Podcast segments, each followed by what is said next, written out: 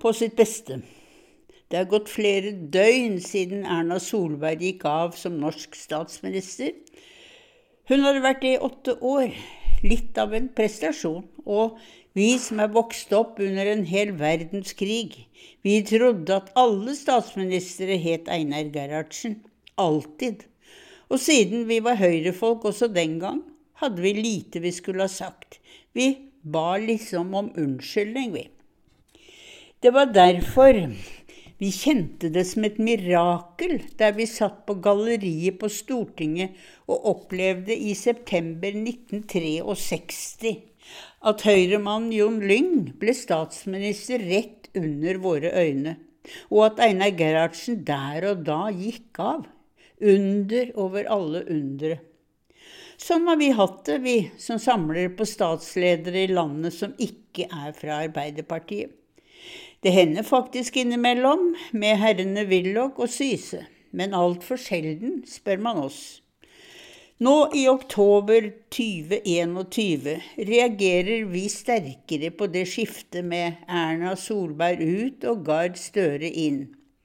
Vi liker det ikke, men vi er jo for demokratiet, må vite. Og også at makten skifter, skjønt akkurat nå sitter det langt inne. Noen av oss er dårligere tapere, nemlig. Erna Solberg har fått hyllest og takk og blitt vurdert av politiske eksperter for sin rolle og sin innsats. Selvsagt. Åtte år i stolen, øverst ved bordet, og med flere samarbeidspartier benket rundt. At hun har greid det i gode onde dager, er en bragd. Landet har hun loset oss igjennom, og oppsummert har hun gått fra borde med strålende resultater. Det er all grunn til å takke henne.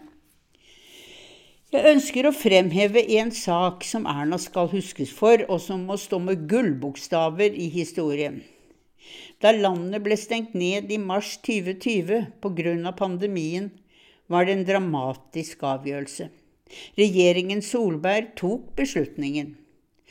Grunnen til at Norge kom seg så godt igjennom denne unntakstilstand, at nordmenn fant seg i den, at vi adlød, det skal statsminister Erna Solberg ha æren for. Hun administrerte sitt lederskap med å ustoppelig selv stå frem med informasjon, og også hele tiden dele podiet med sine ministre på rekke og rad.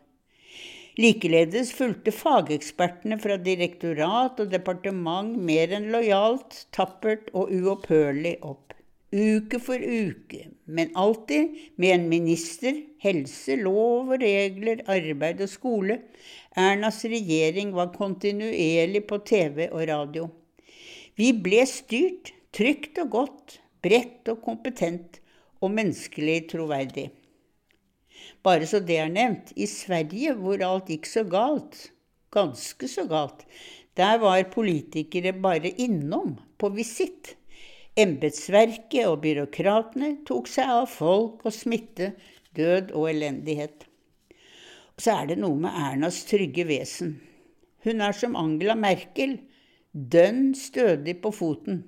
Så vanlig som en av oss så imponerende saklig og nøktern, lar seg aldri vippe av pinnen.